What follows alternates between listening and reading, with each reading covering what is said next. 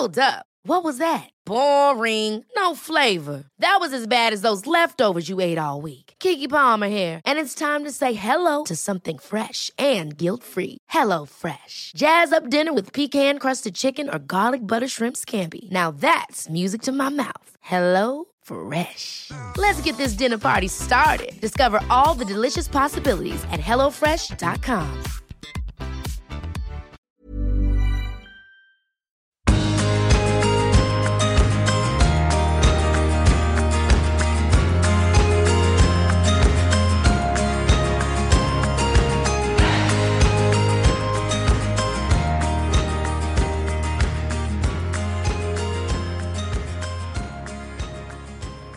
Velkommen inn til Du er unik-podden. Jeg er Unni, og i dag så har jeg med meg ei fantastisk nydelig, flott dame. Som mange tror jeg har eh, sett og har et forhold til på Instagram og sosiale medier. Og ja, kanskje se og høre etter hvert. Er noen som har sett henne òg. Så jeg skulle ønske jeg hadde et bilde av henne her nå, men eh, hun sitter her. og igjen, da, så når jeg googler og har litt sånn research før podden, så, så, så kommer det jo opp det første, da. Og det første som kom opp, det var The Badass Mom. Og stikkord er jo athletic fitness, reality-kjendis og glamourmodell og PT. Så hjertelig velkommen hit, Lene Hansen. Tusen takk. Veldig trivelig å være her. Ja, Mm. enn det, da. Ja. Og, og du bor jo i Tromsø. Ja. Ja. Mm. Så, så det er jo ikke sånn at du har tatt turen eh, sånn på en tirsdagskveld, liksom, men at du er i Trondheim nå, da måtte du jo bare ha anledning til å, å prate litt. Ja. Veldig, veldig bra. Og del og del. Og det er det vi vil til alle damer. Og Mm. du er jo ei dame som eh, Jeg kjenner deg jo ganske godt gjennom eh, flere år. Eh, men det er mye jeg ikke vet om deg. Mm. Og jeg har jo lyst til at alle sammen skal bli bedre kjent med deg. For at eh, det vi ser, er ikke alltid det som er bak de her bildene. da. Nei, Nei. det er sant. Og da syns jeg det er veldig ålreit å begynne å spørre deg, lille Lene, da. Hvor har du vokst opp hen, og hvem har du vokst opp med? Mm. Ja, jeg er jo så heldig som har vokst opp eh, på ei lita øy i havgapet utafor eh, Tromsø. Og den øya heter Sommerøya og er egentlig ganske kjent både inn- og utland for eh, typ, Norges Maldivene, kan man nesten eh, kalle det for. Med hvite strender og havet rundt på alle kanter.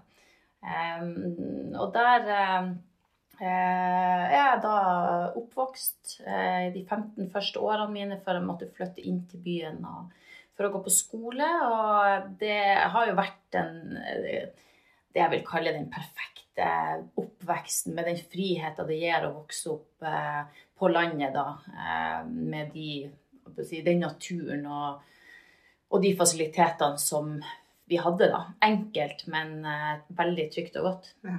Mm. Jeg har vært så heldig å vært der Mm. og sett eh, paradiset ditt, for det er jo et paradis, den sommerøya der. Mm. Og, og det å vokse opp på en sånn liten plass Jeg vet ikke hvor mange hus er det på den øya, da? Nei, Så det, folk skal få et bilde på det, liksom. det bor vel en 300 og noe der, så det er jo veldig lite. Men så har du liksom Sommerøya, så blir det lita øy utenfor der som heter Hillesøya, og så har du fast, altså Kvaløya, da, som eh, eh, så du kan si samfunnet som kalles for Yttersida. Ytterst. og Det har vært en TV-serie som heter Yttersida på NRK, som ble veldig populær, så folk fikk se litt av hvordan, eh, hvordan det er der ute. Så totalt sett er vi ganske mange, men, men eh, Ja, det var, jo, det var jo smått i forhold til bylivet og sånn som eh, Men du visste jo ikke om det når du vokste opp. Nei. Da var du jo skjerma, egentlig, Ja. for all støy. Mm. Eh,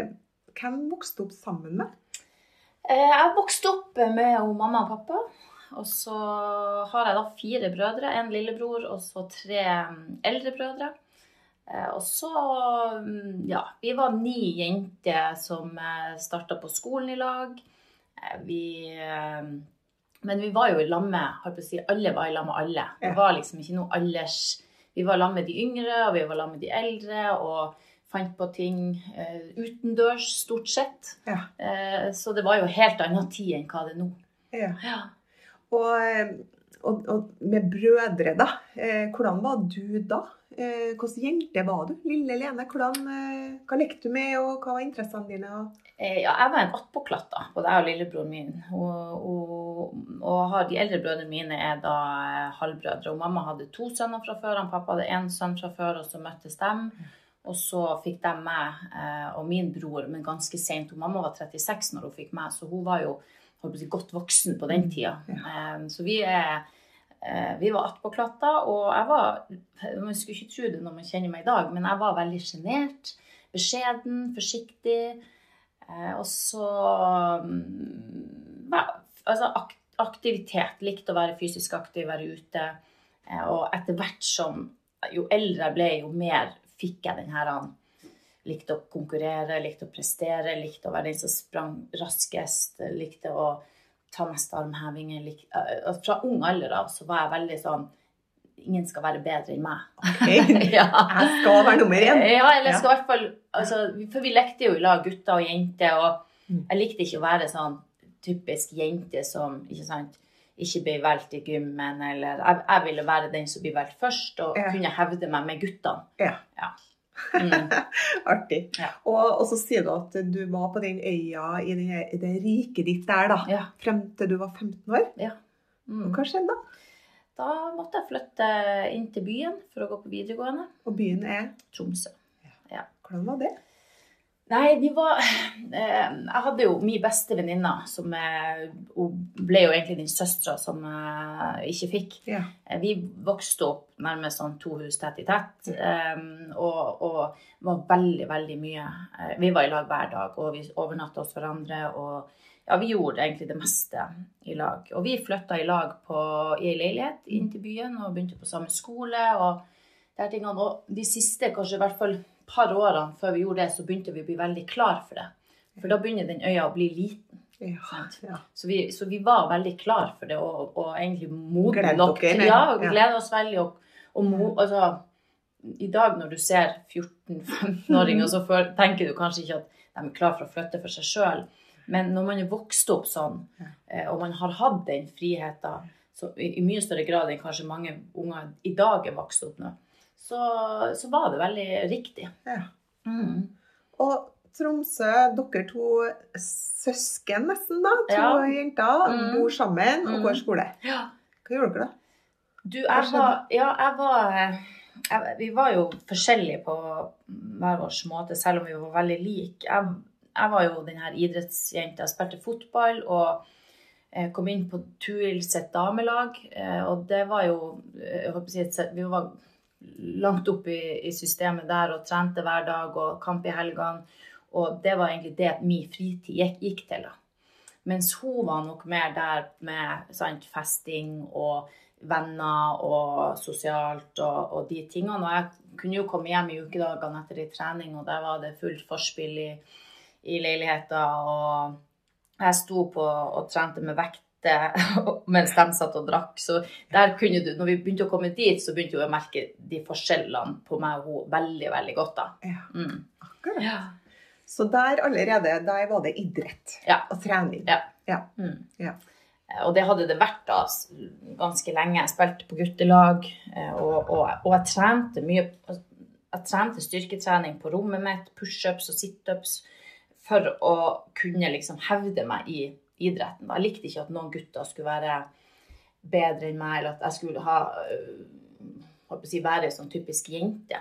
Så jeg trente mye for å holde meg tritt med dem. Og når jeg begynte på videregående, så, så det, fikk jeg mye kred for at åh, hun er så vanskelig å slå. Hva er det med henne der? Ja, sterk og Ja, mm, ja. Det hadde du holdt på med lenge, du, da. Ja, jeg hadde, egentlig, jeg hadde egentlig det. Og du hadde jo noen forbilder sikkert med guttene rundt deg, og brødre og Eller? nei, ja, Eller var du sterkere enn dem? Eh, Jeg, hadde, jeg hadde egentlig ikke noen forbilder eh, på den tida. Men jeg var veldig interessert i sport. Så det man så på TV, var jo mye sport. Og, Ja.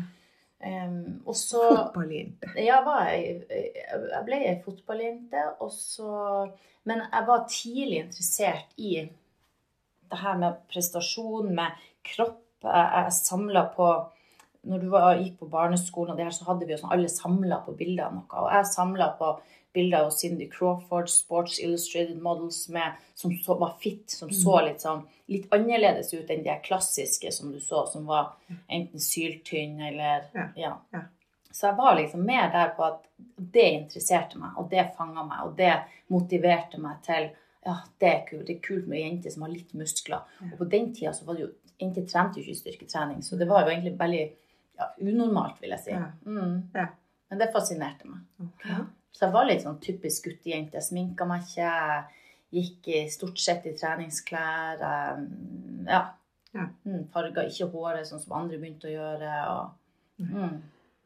Og så, Hvilken utdannelse tok du deg da etter videregående? og sånn? Hva, hva var veien videre? Du, etter videregående så Jeg, jeg ble jo gravid som 17-åring, da.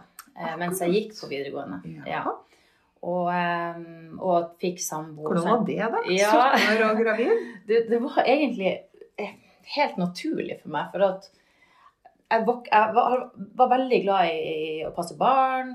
Det gjorde jeg mye på fritida, i tillegg til trening og sånn. Så, så passa jeg barn og var tilgjengelig for dem som trengte barnevakt. Jeg var sånn til, trillepike, Ja. Eh, og, så, og jeg var der at Jeg vet ikke om det var for at mamma og han fikk meg så seint, men jeg sa alltid at jeg skal i hvert fall bli ung mamma. Akkurat. Ja. Så når jeg da ble gravid eh, på videregående, så var jeg egentlig litt lei av videregående òg. Og, eh, og det var ikke et tema å ikke beholde eller ta bort. Var, det var veldig sånn Hadde du kjæreste, Ja. eller? Ja, Mm. hadde kjæreste. hadde kjæreste, og vi hadde flytta i lag. Um, og, og han var noen år eldre enn meg. Men det kjentes bare kjemperett. Det var liksom, Selv om folk himla med øynene og tenkte hva i alle dager, og, um, så var det helt, Helt rett. naturlig. Ja. Mhm. Mm. Og han er jo i dag, han blir jo 22 år nå i januar. Eh, og det, er altså, det er fantastisk å ha en så voksen sønn. Ja. Ja. Så, For uh, alderen din nå, Lene, det tikker jo mot 40. ja, veldig fort. Sånn at uh, dem som var raske i hoderegning nå, ja. så skjønner jeg at du er, 40, er i det 40. året ditt. da. ja. Og det er jo nå i november. ja. Mm. 16. november. Å ha en sønn på 22, Ja, sånn. det er kult. ja.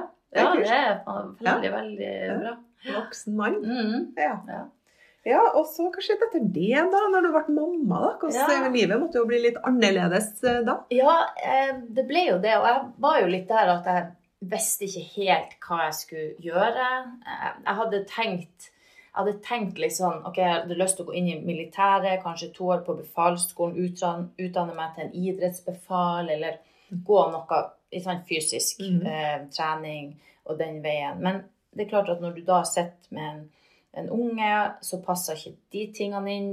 Og det var trening og, og det, altså den Det var det du drømte ja, om? det liksom? var egentlig det. Det var Mhm. det, det, var det jeg kunne, og det var det som Det å prestere og hjelpe folk til å prestere. Ja. Så liksom at det var min vei. Så jeg eh, Etter videregående så gikk jeg inn på SATS Ja. og begynte å utdanne meg der, faktisk. Akkurat, mm. Så de hadde et tilbud til å utdanne Ja, de hadde sånne kosthold og instruktørkostholdsveiledning Ja. og instruktørkurs.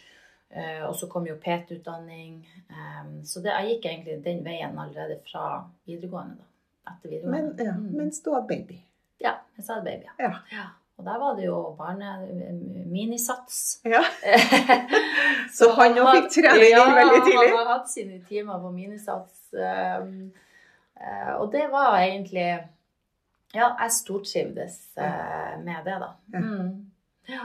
Og, og hvor lang, lang tid var det her livet, da? Med, Uh, nei, jeg var var du fortsatt nå i Tromsø? Ja, jeg var fortsatt i Ja. Men jeg var kommet dit Jeg var jo Det var jo ikke sosiale medier da. Det, ting man hørte gikk på ryktebørsen. Mm. Og jeg var ei som stakk meg veldig, veldig ut. Blant annet for at jeg fikk barn tidlig. Eh, Sto det i avisa, eller? nei, det var, jeg var vel ikke begynt å å si, dolle meg opp eh, så mye da, men jeg, jeg tok det jo veldig utover som tida kom, da. Ja. Men eh, eh, ja, det jeg, jeg tok jo silikon eh, i, i puppene etter at jeg mista alt av pupper etter amming eh, med han. Og da, for meg så var det Jeg var jo litt muskuløs i overkroppen, Ja. lita sped. Eh, så det var liksom, for meg så var det veldig viktig å få gjort det, og det gjorde jeg da. Han var vel knapt et år. Mm. Mm. På den tida var det jo ingen som gjorde det sånn. ikke sant? Nei, det var i det her Hollywood og det du de her Ja. Folkene langt der De, de i USA? Ja, Ja, okay. de i USA gjorde sånn. Så, og jeg begynte liksom å komme dit at jeg begynte å gi meg litt faen. Jeg begynte å liksom, jeg følte meg bra, jeg trente, jeg eh, når, når han sant, Jeg kunne begynne å gå ut på byen, for det hadde jeg jo ikke kunnet.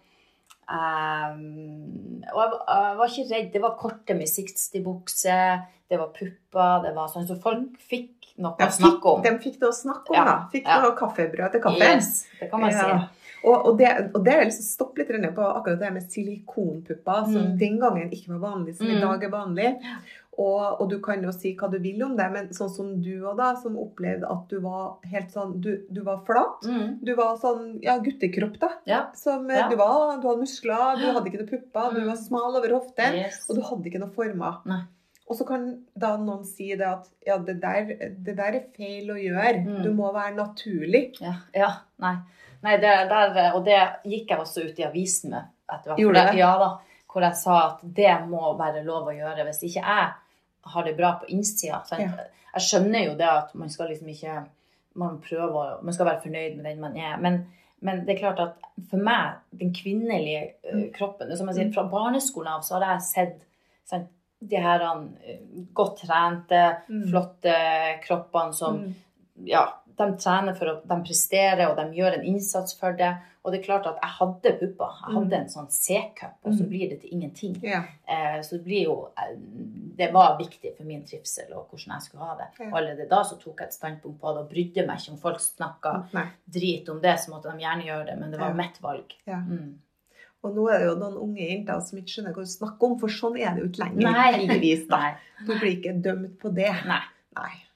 Eh, og det er bra, selv om man kan si mye. Det har jo blitt dratt langt ut Ja. eh, i forhold til hvordan det var da. da. Ja. Men, eh, men folk må bestemme sjøl og gjøre hva de vil. Ja. Så, ja. Mm. Så der var du da med silikonpupper og Mm. baby, og kom i avisa for det. Ja.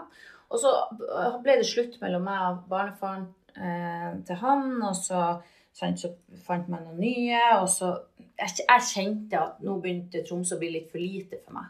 Og så var jeg interessert i hudpleie, kroppsterapi, de tingene, og det studiet var i Oslo, så jeg hadde lyst til å egentlig flytte, flytte til Oslo, blant annet fordi at jeg syntes Tromsø var for lite, og at og det studiet frista for meg. Mm. Så det endte med at jeg i 2000 ja, januar 2004 så flytta vi til Oslo. Mm. Mm. Med en tanke om å bare skulle være der et par år. Eh, men der var jeg i seks år. da. Akkurat. Ja. Hvordan var det i Oslo, da? Å komme dit, for eksempel. Som Maria Tromsø, Ja, Oslo. ja, det Ja. var veldig rett. Det var, det var um, De årene der det er jo kanskje noen av mine beste år. sånn hvor, hvor jeg kjente at nå fikk jeg gjøre mine ting. Altså nå, der, der var jeg helt sånn hjemme på i forhold til uh, det her med trening og de folkene jeg jobba med. Og uh, jeg følte at jeg kunne utvikle meg skikkelig. Uh, og så slapp jeg det her slarvet. Selv om jeg egentlig aldri har brydd meg så mye om det, men så det, blir det gnagsår i ørene når du hele tida får høre sånn slengting via via. og Så det var, det var veldig deilig å komme dit. For det at alle respekterte meg for den jeg var. Jeg var selv om jeg er nordlending i Oslo, så var jeg liksom god på mine ting og tøff og torde å si akkurat hva jeg mente. Og det ble hylla på Jeg bodde og jobba på Oslo vest. Mhm. Og det ble liksom sånn Fader, hun der er kul, hun sier akkurat hvordan det er, og hun kjører på. Så det var en veldig, veldig deilig. Mm, det, var, det var fri, frihet. Frihet, ja. Ja. For å være deg sjøl. Ja. Ja. Mm, det Det var rart at det skal være sånn. Ja, tenk det. Men det er jo alt som er annerledes, eh, er jo skummelt. Yes. Så du var jo veldig skummel Ja. ja. i Tromsø. Men i Oslo så gikk du liksom Under, litt, Under radaren. Ja, litt under radaren. Mm. Der var det flere skumle. Ja. ja. Å, artig. Og da, da, så da tok du utdannelsen din der. Jobba du med Nei, jeg tok, jeg tok en utdannelse, men det var mer for, at, for Ja, egeninteresse. det syns du var artig. Ja, jeg syns det var spennende, et fag jeg ønska å lære mer om. Eh, men, men jeg er ikke hun der som kan Jeg prøvde, jeg jobba litt deltid, men det å sitte inn i sånn rolig Sånn musikk kabinett, og ja. Nei, det var ikke meg. det var, Jeg satt og sånn og dirra med beina og nesten tromma i ansiktet. på det her. Åh, ble ferdig snart. Ja, og skravling, så jeg skjønte det der er Den maska skal virke fem minutter. Ja, så det, var, så det var ikke helt Nei, det var ikke helt det. Nei, det var ikke helt meg. Men Så bra at du har prøvd, da. ja, da, jeg prøvde å, og gjorde det samtidig som jeg var PT og instruktør og de her tingene. Og det Ja. fungerte for så vidt men, jeg, men jeg, det, det liksom ikke Det var ikke meg. Det er bra det er noen som liker det. Ja. Ja. Og, um, og da um, kom du jo inn i det Oslo-miljøet, og da eh, har jo jeg sett noen bilder av deg på fremsida av noen sånne blader. Ja. Hva, hva er greia her? Hvordan havna du på fremsida av Hvilke blader var det, Ja. Lene? Du skjønner, første gang jeg havna jeg, jeg begynte allerede Da var jo han eh, Da bodde jeg faktisk i Tromsø når jeg, når jeg begynte sånn smått å bevege meg litt inn der. Og det handla om at det var ikke sosiale medier på den tida. Og jeg sånn, begynte å jobbe innenfor trening, og allerede da så hadde jeg jo en sånn visjon om at OK, hvis jeg skal lykkes med det jeg ser for meg øh, at jeg skal der fremme i tida, jeg hadde ikke det kartlagt noe sånn akkurat hva jeg skulle, men jeg, men jeg, jeg visste at jeg er en gründertype, og jeg må gjøre mine ting. Så måtte jeg bli et kjent navn. Ja. Ja. Og, da, og for å bli det da, så tenkte jeg det letteste måten å gjøre det på, er jo å bli det vi kaller for ei PR-hore, da. Ja. Ja, og, og, og, og Få du, PR. Ja, du må få PR, du må komme ut i avisen, du må sende på magasiner, du må, du må bare få et navn som blir kjent. Eh, og den letteste måten å få det på, det er jo hvis du begynner å kle litt av deg. Det var jo, jeg, for jeg så jo det hvordan de holdt på i USA, ikke sant? så det var jo, for meg var det logisk. Ok, det er det de gjør der, så da gjør vi det her. Ja, så så Men- du at Cindy Crawford eh, lettkledd du da. tenkte Ja, Ja, hun ble jo kjent, så det er bare å kle av seg. ikke sant? Ja. Så damer, bare kle av dere, så skal vi bli berømt. Ja, ja men det, vi ser jo det. Det er jo blitt eh, Ja. altså, Det er jo ingen tvil om at det Men på den, altså, det var jo i Norge, Ja. så var jo ikke så mange klar for det, kanskje. Mm, I hvert fall når du er mamma, du er ung, du er kommer fra sant, lita, fra bygde, Ja. lita liten by jo langt oppe i Nord-Norge. Begynner å stikke deg litt frem. Så det, det er klart at det, da begynte jo noen kniver å, å komme. Men jeg så jo effekten av det Ok. at oi, her begynner folk å sånn, ta kontakt, de er interessert i hjelpa mi, de, ja, øh, de får interesse, men de, på mange måter så merker jeg jo at du, en, altså, du hadde dem som virkelig ikke likte det jeg gjorde, som snakka drit, og det her, men så hadde du også dem som, som virkelig bare liksom løfta meg opp og bare fy fader, du er kul, du går dine egne veier, og, og jeg tror i den der perioden så kom jo det her, her er vi på tidlig 2000-tallet, så kom jo det her skillet mellom hvor, hvor vi, tort, altså vi damer torde å bryte litt ut mer. Ja. Mm. At, man, at det var flere og flere som gikk sine egne veier, og ja. Og det er jo da du kommer inn på det her Ut av boksen. ut av boksen, ja. Og, og, og det er jo i den tida det kommer det her glamourmodeller, ikke sant, som, som virkelig får media til å Sånne som vi så i Hollywood før, Yes. som plutselig var i Norge. Ja, nettopp. Så jeg var jo med på det der, da. I den eh, oppstarten av det her glamourmodellene. Og der var det store pupper, og det var lepper, og det var langt hår, og det var Ja, det var babe style. Babes, all over. Ja. Eh, Det var liksom, du kan si det var jo for oss som er A65, som ikke var de der. A80-modellene, superslank og Ja. går der. Vi, vi fant liksom vår egen Dere, kunne, dere Ja. kunne stå på noe her, her Ja. var dere der, liksom?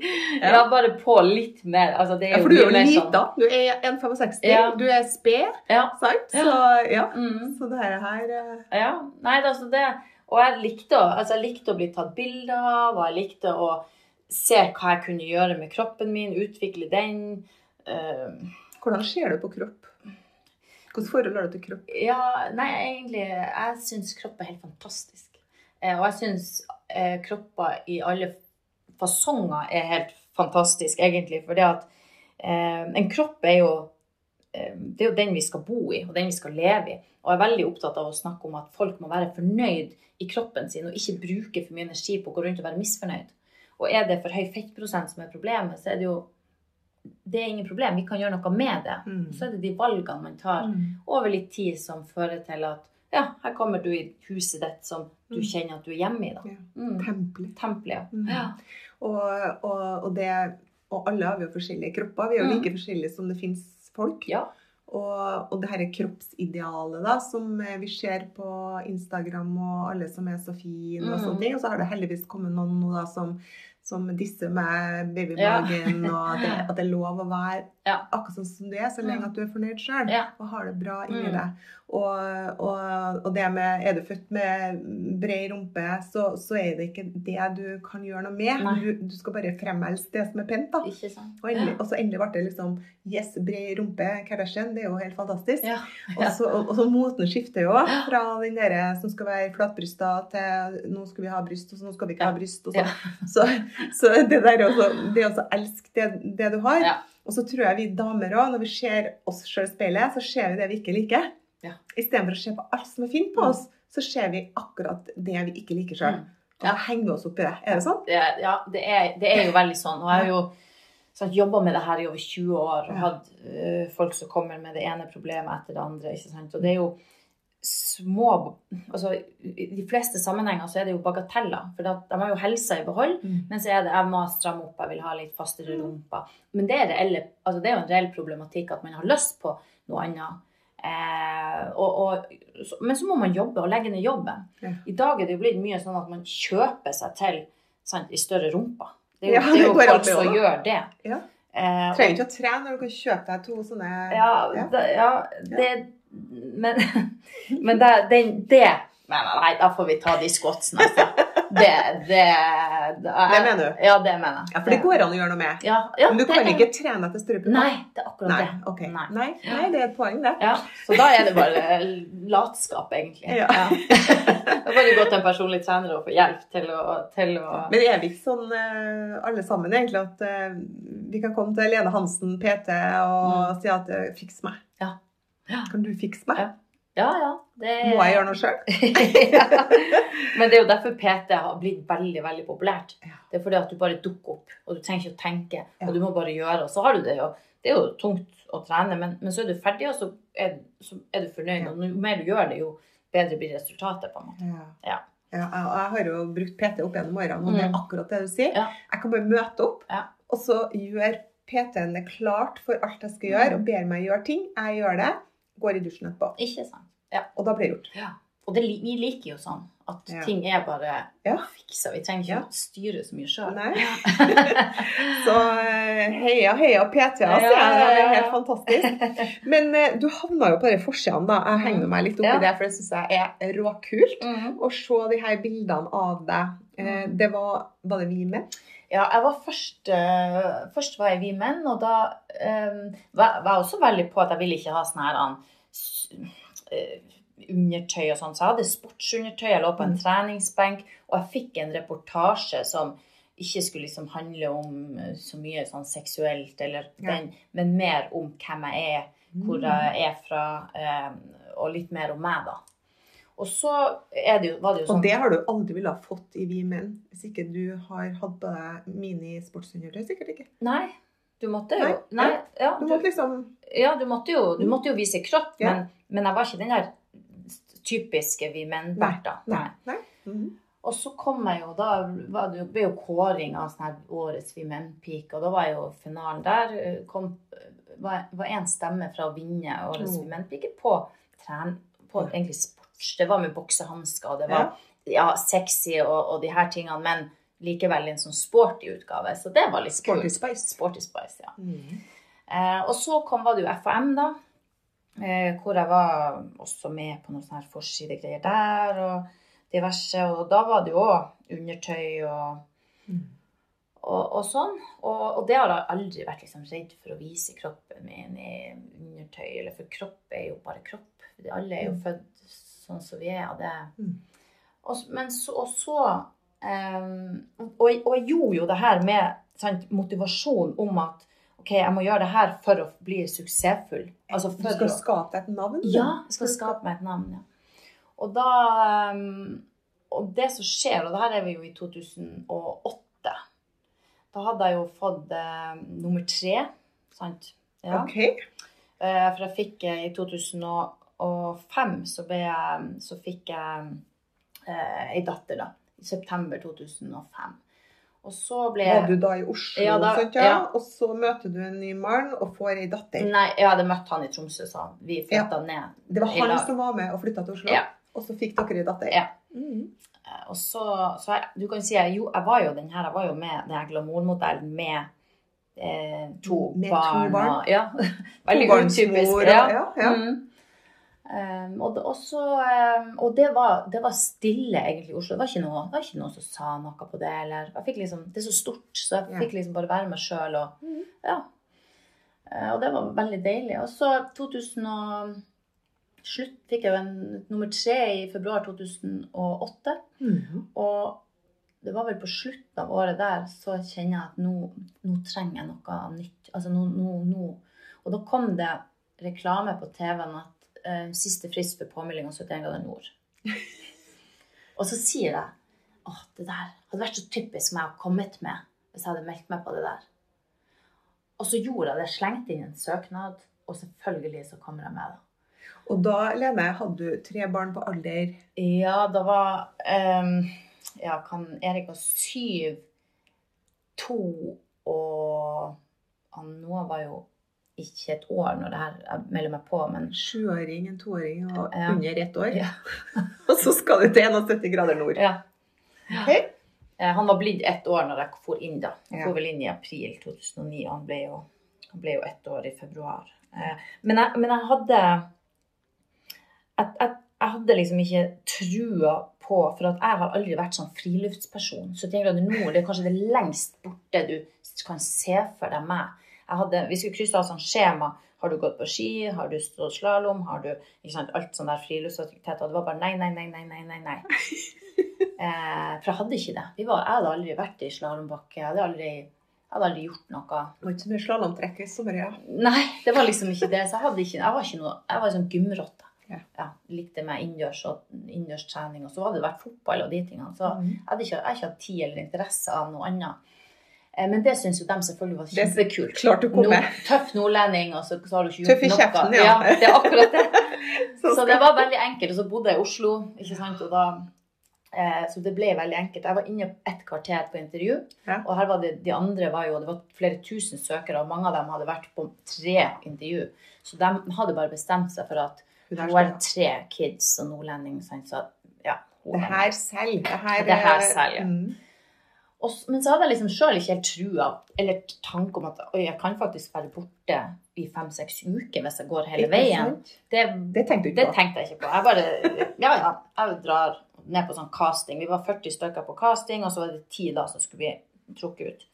Og da, under castinga så klarer jeg å knekke ei tå. Nei. Eh, og da eh, eh, Men jeg fortsatte bare å være med, og det var grunnen til at jeg ble tatt ut. At jeg, jeg Jeg bare jeg, jeg, jeg hadde å tape, vet du, så jeg, jeg bare gjorde alt Den jeg skulle fikk gjøre. bare være, Ja, den fikk bare være. Så jeg dro jo inn der på 71 Nord med knekt tå. Litt vondt, men det gikk seg til etter hvert. Ja. ja. Teipe opp den. Mm. Og når vi var i gang da, sant, bare første natta vi havna i to telt, fem og fem, der, ble, altså der var hodet mitt kobla. Nå er jeg med i en konkurranse, og da bestemte her jeg skal meg. jeg vinne. Nei, ikke vinn, men jeg skal være med i alle episodene, for det her blir markedsføring for meg. Ah, ja, så, Igjen, Mm. Så jeg, markedsføring. ja, markedsføring. Så jeg må, jeg må være med i alle episodene.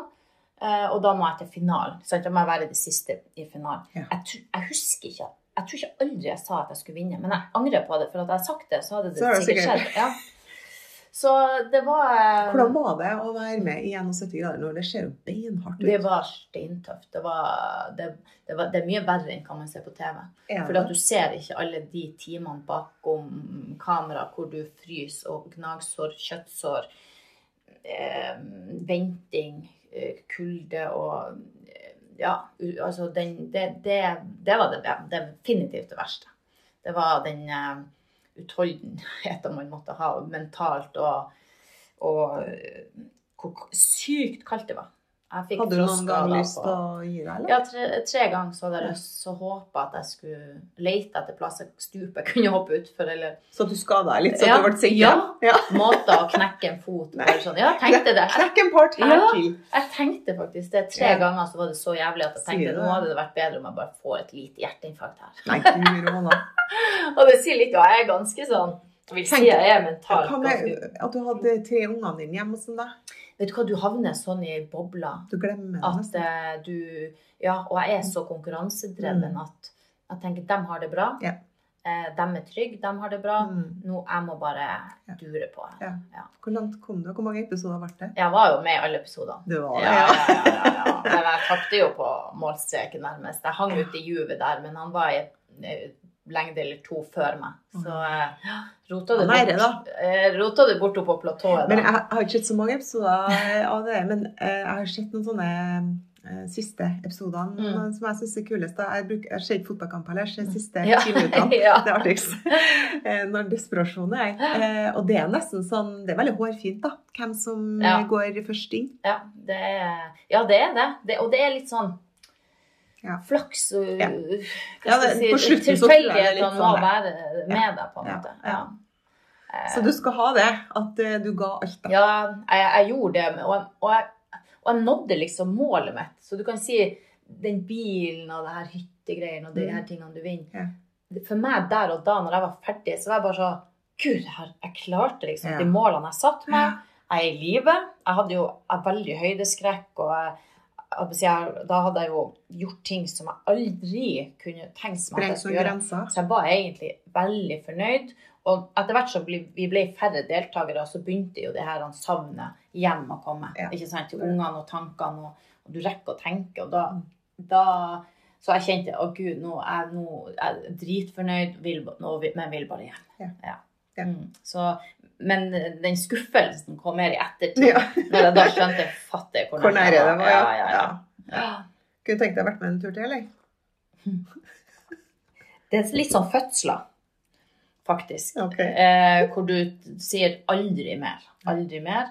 Men så går tida, og så tenker du 'fader òg, det der eh, Jeg skulle i hvert fall ha vunnet neste gang'. Men, eh, men, jeg, men eh, nei, det var jævlig. Det var jævlig. Mm. Og eh, jeg jo elsker jo å snakke om eh, drømmer og det her. eh, altså du, du har jo fra du var veldig, veldig lita, egentlig, Mm. eh, laga deg et bilde på hvordan du skulle bli når du ble stor. Mm. Og, mm, og når du kommer hjem derfra nå, du er tre unger som venter på deg, og hva, hva er tankene dine, og hva, hvordan går livet videre? Ja, du kan si 71 grader nord fikk meg jo til å tenke mye. Mm. Eh, og, og tenke mye om hva jeg vil, og hvordan jeg vil ha det. og Mm. um, jeg kom jo hjem og landa, egentlig landa etter hvert mye meg sjøl. Ble du kjent med deg sjøl på den turen? Ja, eh, mer enn Mer på enn- noe annet. Ja, Ja. jeg tror at Og jeg fikk en sånn eh, eh, Du kan tenke deg når du trener styrketrening og jobber ett sett, og du jobber kanskje i 40 sekunder i det settet Ta det mot det å skal Du, skal, du har 17 timer til å slite. Så ting ble satt veldig i perspektiv for meg. Mm. eh, Både, eh, både i forhold til sånne små prestasjoner 40 sekunder, ingenting. Men også det her med materialistisk Mm. eh, materialisme og verdier, egentlig. Hva som egentlig betyr noe. Jeg kom hjem og klarte ikke å se på TV, data, ingenting. Jeg, jeg tenkte, Det er ikke meninga vi skal være inne her. Hvorfor kjøper vi vaser til 4000 kroner? Er vi helt eh, ko-ko? Det er meninga vi skal bo Vi skal være utendørs. Så jeg fikk et, et helt annet sånn ja, hvor, hva, hva som egentlig betyr noe. Og da plutselig så skjønner jeg at i andre land så bor de sant, 20 stykker i lag på 20 kvadrat, nesten. da, fordi at de er ute hele tida. Så jeg fikk et veldig sånn eh, Kanskje noe av det viktigste jeg tok med meg, var jo det. At herregud, naturen og hvordan det egentlig skal være, og hvor lite vi egentlig trenger. Mm, I forhold til hva som egentlig betyr noe, når du har da vært borte fra ungene dine så lenge, og du kommer hjem til dem, og ja, den tida du har med dem. Og dem. Så jeg, jeg vokste veldig, veldig på, eh, på den opplevelsen. Verdi. Verdier. Mm. Verdigrunnlaget ditt. Mm. Ja. Og det, og det tror jeg kanskje er et godt tips til alle som hører på her òg. Det her med å finne verdigrunnlaget sitt. Ja. Og eh, om ikke vi trenger å være med på 71 grader nord for å vinne, Mm. men det å virkelig tenke gjennom litt hva vi holder på med. Ja. Og jeg har jo erfaringer med at jeg gikk i kloster. Ja. Eh, så ja, og jeg var sånn som du beskriver, når jeg kom ut derfra, så var det ikke viktig med telefon og TV-en eller noe. Nei. Det var bare Jeg fikk et helt annet jeg fikk en sånn, Du sitter utenfra og ser inn ja. på det gale Ja, livet som vi holder på med. Faktisk. Og hva er det som er viktig? Mm. Og det, de få tingene jeg trengte der, og når verden ikke var til stede, det var bare Mm. meg, så, så ja, du får noen tanker. Altså. Ja, det Så det. det er veldig godt å mm, fjerne seg litt fra kanskje hverdagen for å se det litt utenfra. Jeg tror alle har, eh, alle har godt av det, Ja. å gjøre det. Ja. Mm. For man detter jo fort inn i det her hverdagen igjen, ja, og da.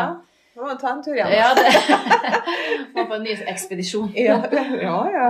Et eller annet. Mm. Og, og det, du er jo fortsatt i Oslo, da? Eller hvor lenge ble du der? da? Nei, ja er, for du, for du hjem Jeg fant meg jo sjøl, på en måte, og ting skjedde, og jeg ble jo alenemamma igjen.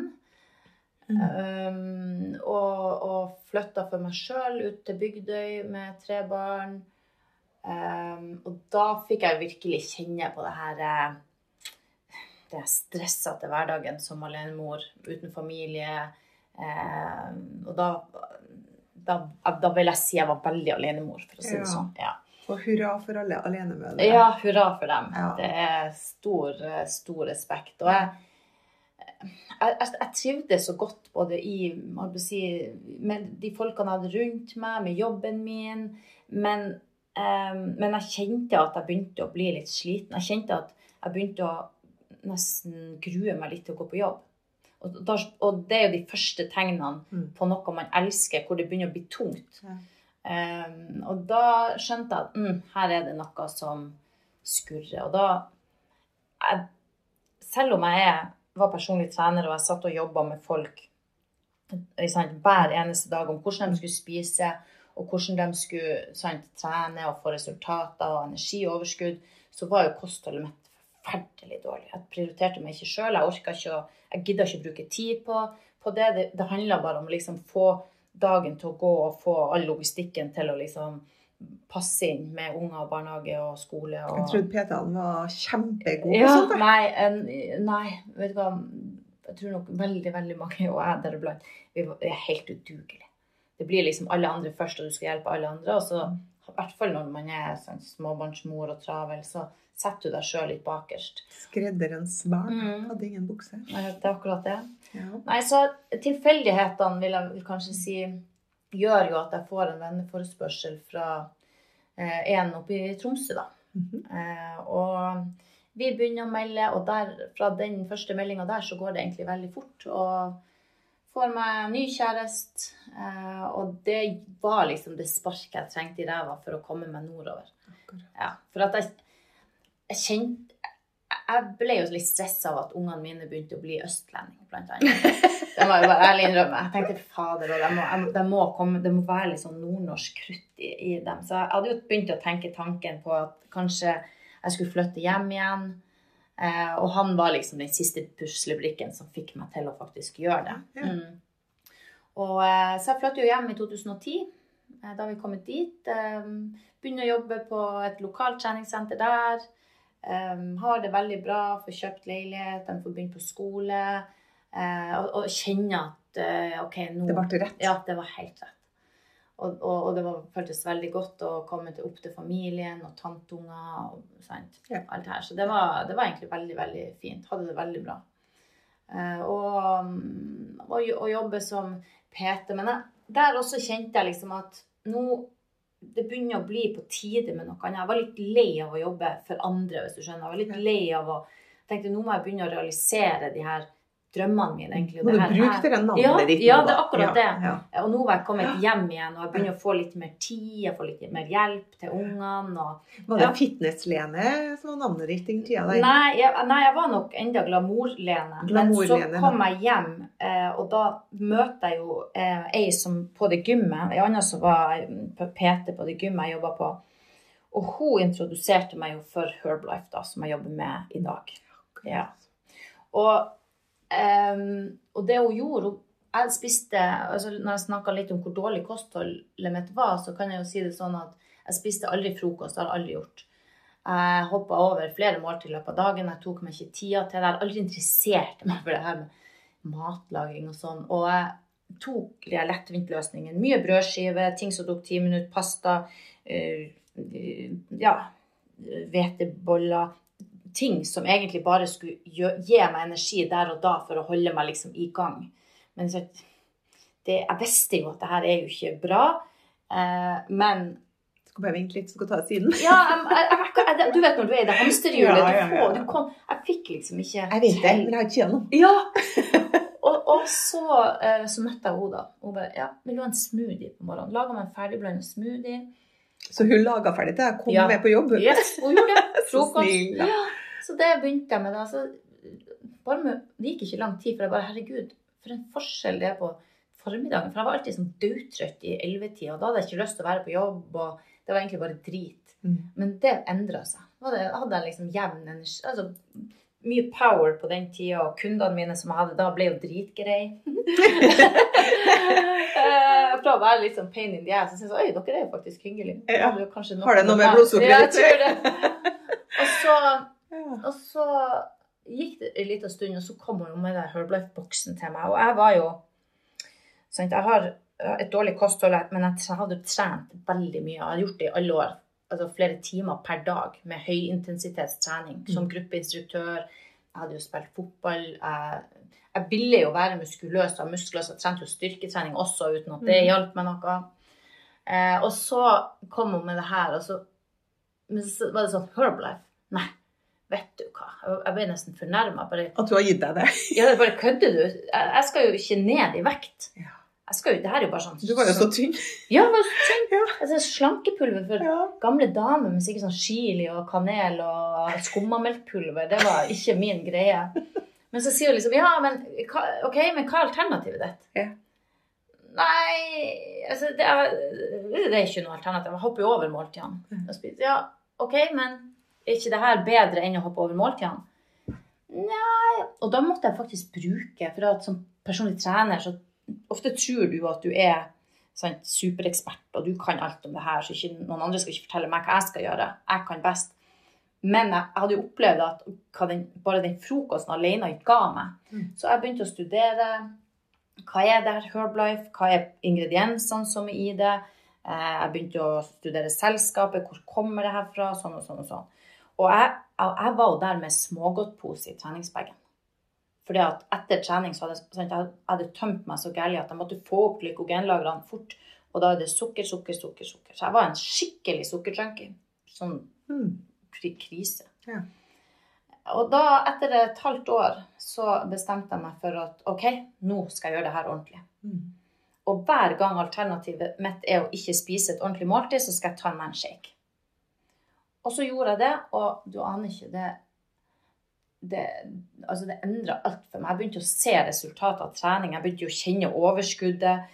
Begynte, altså det overskuddet man virkelig kan ha på trening. Jeg begynte å kutte litt ned på kondisjonstrening. Begynte å få resultater veldig raskt av styrketreninga. Og responderte bare helt sinnssykt på det å få i meg god ernæring. Eh, og nok proteiner og ikke sant, jevn, jevn ernæring utover dagen. Som du klarte å få, uh, få til Ja. med all jobbinga og tre små barn. Ja. ja. Så det var liksom, jeg bare, herregud, Og da ble jeg nesten litt irritert. For at, hvorfor er det ingen som har kommet med denne løsninga til meg før? Jeg var liksom ikke kritisk i det hele tatt til alt som er i de smågodtbitene og E-stoffer og diverse, diverse. Jeg satt jo aldri og googla hva som er i det. Men, I smågodtet, nei. Nei, men når det kom til, til de her produktene, så var det nei, gud, da må jeg bruke tid på virkelig finne ut hva det her er. Så um, Nei, så jeg fikk, jeg fikk sinnssyke gode resultater jeg, øh, jeg si, ganske tidlig. Og, Så du var, du var egentlig en kunde i Herbalife i Mm. flere år, du, jobba som PT Ja, i Tromsø. du kan si det sånn at Ja. jeg, jeg, jeg, var, jeg ble jo distributør, da. Ja, Så Eh, du hadde rabatt på produktene, Ja, ja. men, du, men du brukte dem sjøl og ja, for at det var ikke, jeg skulle ikke jobbe med Herbalife eller noe sånt. Var ikke det var ikke det. Men, men jeg hadde jo en del som spurte meg om hva i all verden er det du har gjort. Ja. Nei, så jeg begynte på det Herbalife-produktene, og det var løsninga for meg. Så jeg fikk jo noen, det var noen som var interessert, men jeg var ikke interessert i å skulle- bruke så mye tid på dem, da. Nei. Det var mer å selge PT og Ja, timer. Ja. ja. Så, eh, nei, så i mange år så var jeg bare kjempefornøyd eh, produktbruker. Jeg, jeg fikk jo så gode resultater at jeg kunne stille i fitness, noe som har vært en drøm som har stått på sånn åh, en dag så må jeg jo kunne gjøre det. Eh, Og det gjorde jeg jo allerede i 2012. Det husker jeg godt, for du bodde hos meg. Ja, jeg gjorde det. Atletic Fitness Ja, i Trondheim. ja. Og det var jo helt syke resultater, Lene. Mm, Ja. Og jeg husker jeg var så stolt av deg, og så liksom skulle jeg vise frem og se hun da. Ja. Her stille opp og, og se her hvor fantastisk hun ser ut. Og sånn. Ja, det går an før du har fått unger og ha det sånn. Og bare eh, Hun har tre barn. Ja. Og da ble det stilt. Ja. Du hadde jo tre barn, født tre barn, og stille opp. Og hvordan gikk det? Ja, nei, det gikk jo veldig bra. Jeg fikk jo eh, tredjeplass i NM, da. Det gikk jo ikke bra i forhold til mine mål. Jeg var veldig der at jeg skulle vinne. Men jeg ble underkjent to pullups. Så hadde ikke dem blitt underkjent, så hadde jeg vunnet. Så jeg bare fader ta, Det var dommeren som feilet. dommer- Dommertabbe. Dommertabbe, ja. Nei da, men jeg, jeg gjorde det, og det var, det var bare det å kunne Bare ha gjort det. bare hadde gjort. Jeg, jeg skulle fortsette, men så tok de opp, bort det her fra konkurranser, så Ja. da lot jeg det bare ligge. Så, men det sier jo litt av hva, hva som kan skje. Jeg begynte jo da å skjønne at herregud, det, det handler mest om kosthold og ikke trening.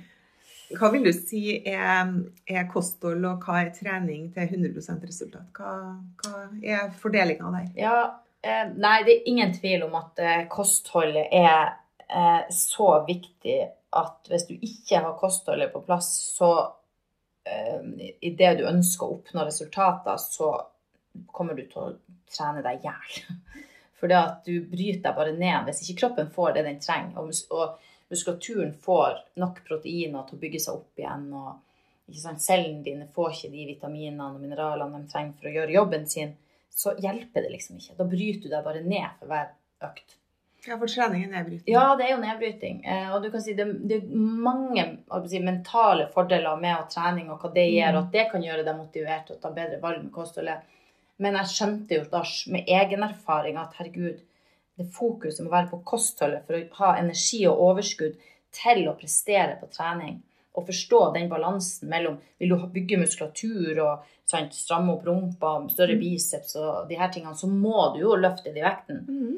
Men, men det, hjelper, det hjelper ikke å løfte de vekten hvis du ikke får gi i bygge, det. Nei, nei. Nei. Det, så jeg begynte jo å, å, å, snu måten jeg hadde tenkt på, for det var så mye fokus på den treninga. Mm. For jeg, jeg syntes kosthold var kjedelig. Yeah. Men når jeg fant min løsning, så, og, og erfarte det på meg sjøl, så begynte jeg jo da å snakke på en helt annen måte til folk. Mm. Dere er nødt til Ja. å fokusere på kosthold. ja, for du har klart ikke å bygge den der muskuløse kroppen du skal Nei, det, nei, uten byggeklosser. akkurat. Som da er da de her proteinene som er veldig enkle å få tak i da, i Mm. måltidserstattere og proteinbarer. Ja. Og, ja. og, eh, og, det, og det er jo kjempeinteressant, Mm. fordi at eh, det, det koster jo mye tid og ressurser å gå på trening. Ja, Og, og det er tungt, og, og da vil vi jo ha 100 uttelling. ja, ja, du vil jo ha avkastning på den Vi tida vil ha avkastning. Ja. Ja, Mm. vi vil det. Så det er jo kjempebra tips. Ja. Og eh, det der med mat eh, Jeg hadde jo en episode her om mat. Eh, når jeg skjønte hvor viktig maten var Mm. til hverdagen og livet. Eh, og ikke bare trening, men også hverdagen og livet vårt. Eh, vi som er foreldre, og det her at vi skal gi ungene våre bra mat. Mm. Eh, så det er det ene. Men også det her eh, Det med kunnskap om mat er jo ene, og så er det tidsklemma som vi kjenner på. Og er du en sånn superkokk, Lene? Nei, jeg er jo det motsatte. Da. Jeg er ikke engang det motsatte. Jeg er verken super eller kokk, holdt jeg på å si. Men jeg, nei, jeg har aldri interessert meg for uh, mat. Altså, jeg har vært, hatt foreldre som må leke med maten fra jeg var lita. Kjørt fly? Ja, kjørt fly, faktisk. ja. Ja. Jo, jeg har vært det. Så jeg har aldri hatt, har aldri hatt interesse for, for det. Um, og det er jo altså Det, det syns jeg er veldig synd, egentlig. For det at det var jo ikke noe fokus på det før. ikke sant, På det her med mat og hvordan man skulle spise. Og jeg som spilte fotball og egentlig var et veldig bra talent, men det var liksom ikke fokus på mat og hvordan man skulle spise. Og, Drivstoff. ting. Ja, og, det, og det ødela nok veldig mye for min karriere, på en måte. fordi at du var dårlig til å spise. Ja. Ja. Spiste jo altfor lite. Jeg kunne spille en 90 minutters kamp uten en svettedråpe på ryggen. Mm. Mm, spare, modus til Spare Sparemodus. Ja. Mm. Mm. Nei, og det er mange av oss Ja, som er er der er- med kresenhet og ikke like, ikke Ja. interessert, har ikke tid, Ja, orker ikke. orker ikke. Ja. Mm. Ja, du kan si Samfunnet har jo forandra seg så mye i dag eh, i forhold til hvordan det var før, når den generasjonen over oss var hjemme. For de hadde jo tida, og tok seg tida Ja. til, Ja. til å lage den maten og, sant, og sette den på bordet og Ja. sånn. I dag så er vi damer skal jo være like mye mann som vi er dame, med alt som skal gjøres. Og, og det er sant, det er veldig mange flere enslige. det er stress, og det er jag, og det er jobb, og det er unger, og det er fritidsaktiviteter. Og, og så skal du fortelle alt det her og lage all den her næringsrike, gode maten mellom slagene. Jeg skjønner at det var jeg leste at det var 2% Ja. som var Ja. 100 på det her. Og da er det vi 98 andre da, som trenger litt hjelp. Mm. Ja. Og eh, når du da eh, du, du, du gikk og slava på dette treningssenteret, og endelig ble jo klientene dine litt blidere og hyggeligere fordi at du fikk stabilisert blodsukkeret ditt. Eh, du hadde dine tre barn, og så vet jeg at du hadde en drøm fortsatt om Mm. å bli din egen sjef. Og, det, og det begynte jeg å kjenne på i, altså, mer og mer at nå må jeg gjøre noe. Nå begynte jeg å bli lei av å jobbe som sant, PT med én til én. Jeg følte meg litt sånn utilstrekkelig, egentlig. At det, det, det kan jo ikke være bare det her. Jeg får, jeg, jeg, jeg får hjulpet så lite folk i den store sammenhengen. Jeg, må liksom her må jeg, må sette i gang den prosessen ikke sant, som jeg egentlig har starta allerede fra jeg var en 17-18 år. At OK, i, som personlig trener, hva er det største? Hva det er jeg kan gjøre? Ja, da må jeg starte treningssenter. Mm. Jeg må lage et konsept som, som gjør at folk, flere folk får hjelp. Og da også til både kosthold, til trening, til mentaltrening, til å bli en bedre utgave av seg sjøl, altså hele den pakka der. Så jeg brukte jo mange år egentlig på å utvikle et sånn konsept og de tankene og, og ideene jeg hadde om det her. Eh, og, og begynte å sette i gang mer og mer og kontakta folk for å få hjelp til å sette sammen det her. Eh, sånn gründer, var med på gründerkurs, etableringsfaser osv. osv. Eh, så jeg var egentlig helt der at ja, nå, nå nærmer det seg, og hadde egentlig enorm passion og drive for å få det her gjennomført. Ja. Eh, og, og kom så langt at eh, det Altså på nippen til å, å nesten ta nøkkelen i døra og åpne, på en måte. Mm. Hva skjedde? Hvorfor, hvorfor satte du ikke nøkkelen i døra? Hva skjedde? Nei, eh, nei jeg, jeg var ikke altså, Når jeg sier det, så betyr det egentlig at jeg var liksom der at jeg Det var på en måte bare de her lokalfasilitetene og, og det å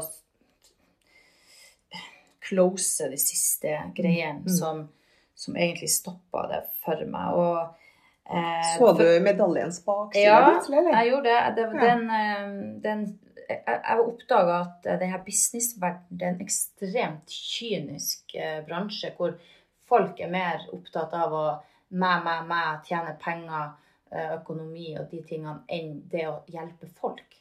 Ikke sant?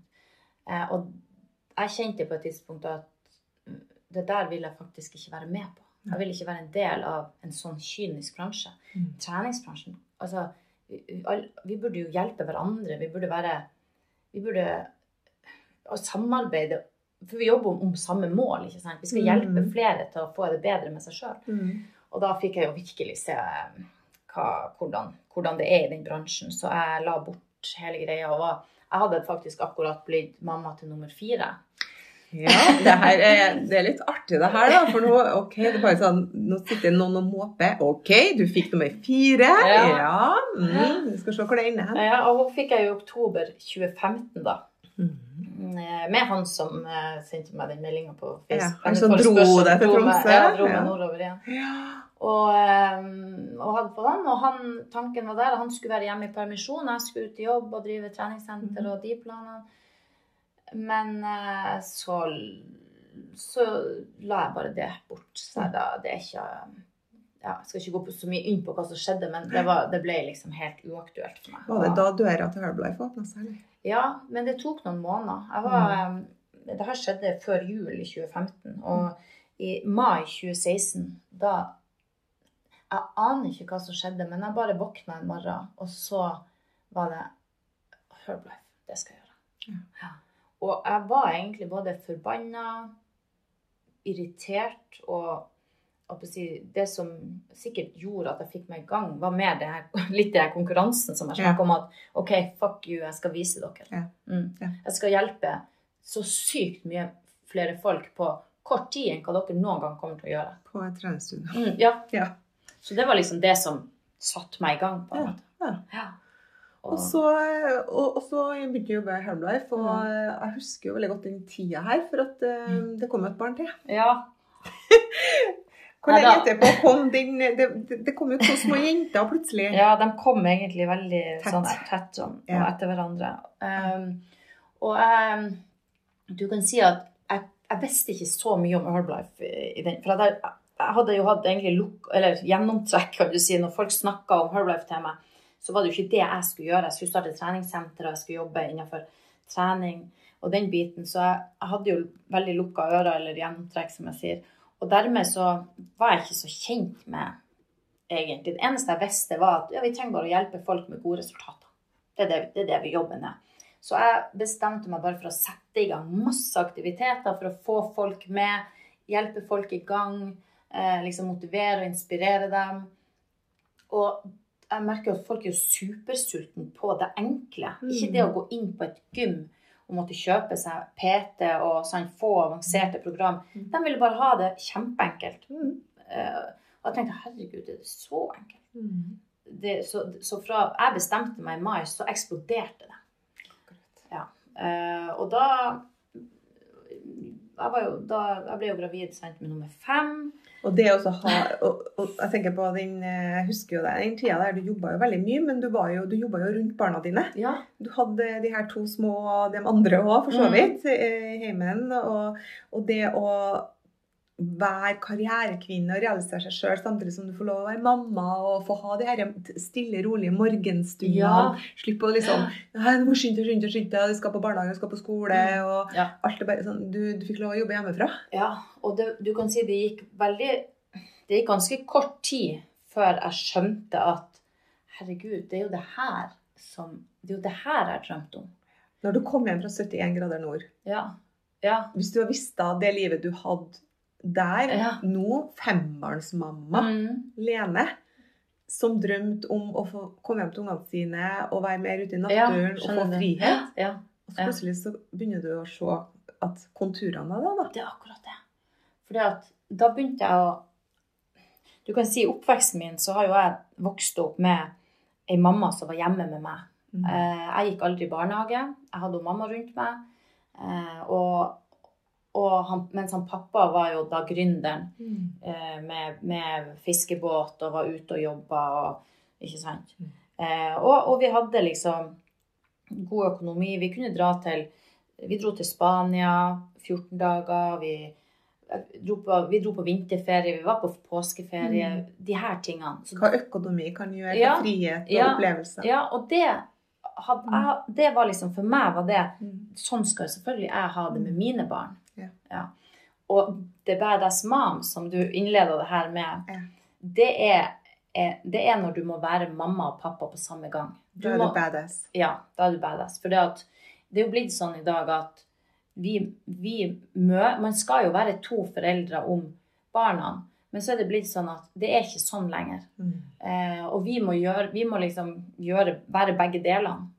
Eh, og da må du være litt badass for å stå i det, og for å tørre å satse, og for å våge å være deg sjøl og, og, og, si, gå etter de drømmene og de målene du har, da. Mm.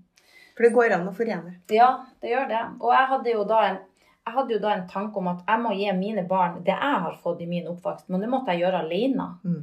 Og når jeg da skjønte at ok, hvis jeg hadde starta treningssenter La oss si jeg hadde starta ett treningssenter og to treningssenter. Det hadde jo ikke gitt meg det, den friheten som jeg Mm. egentlig ønska, Mm. og de mulighetene. Jeg måtte jo vært der, Mm. og, og antageligvis vært både resepsjonist og vasker og, og styrt og, og, og Så hvor jeg hadde Jeg hadde jo tydeligvis ikke klart å, å se hva, hva vil det si å starte et treningssenter. Jeg hadde bare trodd at det var den eneste veien jeg skulle gå, da. Mm. Eller måtte, måtte gå i den bransjen jeg var i. Mm. Og når jeg da oppdaga hva det vil si at jeg kan jo hjelpe folk med å være hjemme. Ja. Med å være hjemme rundt ungene mine og sånn, øh, dra dem med inn i jobben min. Og ja, vi er ute i hagen vi, og, og har treninger, vi drikker te. Jeg, jeg spo, han ene han sa jo det at når jeg blir stor, skal jeg jobbe med Herbalife, for da trenger aldri å jobbe. ja, for oss jo. Ja. Ja, og på den tida så jobba jeg mye. Ja, veldig, veldig mye. Eh, mens eh, hun andre, anna, hun- ei mine de minste, når jeg spurte henne hva mamma jobber med eh, Du jobber med Herbalife, og du drikker te. så du kan si eh, det, det, det er jo det er jo ei frihet som, som mamma og, og å si, med, med, med store drømmer og store mål Mm. er helt fantastisk. Mm. Ja. Mm. Så The Badass Mom, som er på Instagram, Mm. Så opplever vi Lene halvnaken med undertøy. Ja. Eller i treningsrommet ditt. Ja. Hva er greia? Hva er greia med eh, BH, truse og pupper, alene? Det, greia er egentlig at eh, det, har, det har vært meg fra så lenge jeg kan huske. Uten at uh, Uten at det, si, Ja, det er, jo, det, er jo, det er jo jobben min, på en måte. Og, og jeg jeg si, markedsfører meg på den måten fordi at jeg vet at det er mange som blir inspirert av at hvis man tar gode valg, du får ræva di på trening, du gjør det her, så kan du faktisk også uh, se bra ut og fremme det. Og jeg har aldri lagt skjul på at jeg smeller gjerne ut for at det er folk der ute som blir inspirert av det. For jeg ble det av å se hos Cindy Crawford Ja. og Sports Illustrated Models. Ikke? Hvis ikke jeg hadde gjort det, hvem jeg skulle vært inspirert av? Og så er noen som er irritert. Ja, så er ganske mange som er ganske irritert, som ikke forstår det her fokuset og de her tingene. Ja. Og, og, og jeg, men det blir på samme måte som jeg forstår ikke at folk bruker timevis på å strikke gensere eller bake kake eller sant, sånne Ja. ting. Jeg legger, jeg legger et bilde av kaka. ja, skjønner du? Nei. Det blir litt sånn, Jeg Og- og- forstår ikke det. Og det, det, er, det er derfor jeg spør deg om det. Fordi at eh, jeg syns det er så ålreit å se hva er bak bildet. Mm. Og nå har vi fått et bak bildet-samtale med deg. Ja. Eh, Hvorfor ser vi Lene Hansen mest i undertøyet? Det som jeg bruker å spøke, jeg kjente deg ikke igjen med klær på. Fordi at det er Cindy Crawford eh, når du var ung. Ja. Du ville bli som hun. Ja. Eh, tøff og eh, muskler Ja. og, og, og liksom Her er meg, og for deg så er kropp helt naturlig. Ja, ja, for det er det jeg jobber med sant, jeg i over 20 år. ja. Så, Mm. så, så det er så bra. Jeg digger deg. Veldig, veldig bra. Og oppi alt dette her da, med karriere og bygging av eh, karrieren din, fem unger, så opplever du også å miste mora di, som Mm. har vært hjem til deg når du var lita jente, Ja. og så plutselig Ja. abort. Ja, det kan du så si, og det skjedde jo sånn Det var liksom en sånn Det hadde vært en opptur med både karrieremessig, to barn Du får liksom den her familien, Mm. perfekte familien, Ja. og liksom alle de her tingene, og så boom. Ja. Og sånn er jo livet. Du har liksom de toppene, og Mm. så kommer de bunnene. Og hun fikk jo da, I 2019 så fikk jo vi beskjed om at det var lungekreft med spredning og kort Altså, det er ikke noe mer eh, Nei. de kan gjøre, så det var liksom å prøve å forlenge Nyt det. siste Ja. tida. Mm. Men det gikk så fort. altså. Det var fem måneder, så var, det, var hun død, ja. Så, um, og det var jo like før korona, kan du si. Så jeg, jeg har jo funnet mye trøst i at ok, når det nå først skulle gå den veien, så er jeg glad det gikk så fort. For det at vi fikk tid med henne, og vi fikk liksom tid til å å si, komme oss etter det sjokket og landa. Og, og også det her med at den friheten jeg fikk i, gjennom Herbalife, og det med at jeg kunne jobbe hjemmefra, så jeg, kunne jeg også bruke mye tid med henne. Jeg kunne jobbe rundt henne, ikke sant? Og fortsette å gjøre det jeg gjorde med både unger, med henne, hjelpe henne, være med henne på sykehuset, eh, støtte opp om, om det som var. Og, og det er da du kjenner så enorm takknemlighet for at man har denne muligheten. Hadde jeg, og, og jeg tror jo ting skjer av en grunn. Ikke sant? Hadde jeg starta det her, de treningssentrene og gjort de tingene Jeg hadde hatt et helt annet liv. Jeg hadde ikke fått nummer fem eh, jeg hadde Nei, hadde, det, hadde vært, eh, det hadde vært et helt annet liv. Så jeg er jo veldig, veldig takknemlig at det, det, det ble jo min nedtur, og den nedturen har jo fortsatt. Da. Det har vært veldig tøffe tak de siste årene. Eh, og det er jo litt sånn ofte at det ene tar det andre. Um, men, eh, men jeg, jeg er fortsatt stor Jeg er fortsatt veldig takknemlig for, for det vi har. Eh, og at jeg, jeg har den friheten med at ja, jeg kunne vært der, støtta opp om pappa som sant ble igjen. Ja, Eh, bruke tid der. Uh, reise til Spania og være med han og liksom ja. Frihet. Frihet, ja. Mm. Tidsfrihet. Ja, det er Når livet skjer, for du kan ikke si til arbeidsgiveren at nå skal jeg sitte to måneder på dødsleiet til mora mi. Nei. Nei. Så, jeg, nei, så Mm. den, og, og da kjen, da, det er da du skjønner virkelig hva det betyr. Ja. Du sjøl kan velge dagene dine. Ja. Mm. Så vi skal avslutte her, Lene. Det er så koselig å ha deg her og høre historien og dama bak bildet. Mm. Eh, hvis du skulle ha gitt et uh, godt råd til medsøstre som sitter og hører på det her nå? Ja, eh, det er jo eh, først og fremst det å tørre å være litt mer badass. Ja. Vi er veldig satt i den firkantige boksen, eh, spesielt her.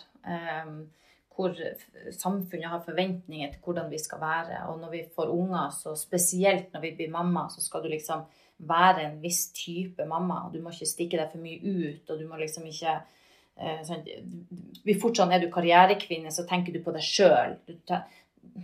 Så vi, har, vi er så heldige at vi har fått utdelt ett liv. Eh, Og det å klare å se livet sitt i perspektiv. Hva, hva, hva er det du har lyst til å gjøre? Hva er det du har lyst til å gi tilbake til ungene dine? Eh, og, og, og være seg sjøl og tørre å gå for drømmer og mål. Eh, og virkelig liksom få mest mulig utbytte av den tida man har her. Samtidig som man er takknemlig for at vi som er vokst opp og født og vokst opp i Norge, vi har jo egentlig alt vi trenger. Men så er det samtidig så enormt mye mer. Og spesielt hvis vi er fanga i den boksen. Så, så, så er det det å tørre å trø mer og mer utfor den boksen og leve sånn som man sjøl helst ønsker å leve, uten påvirkning fra alle rundt. Mm. Fantastisk. Mm. Og vet du, Lene? Du er unik.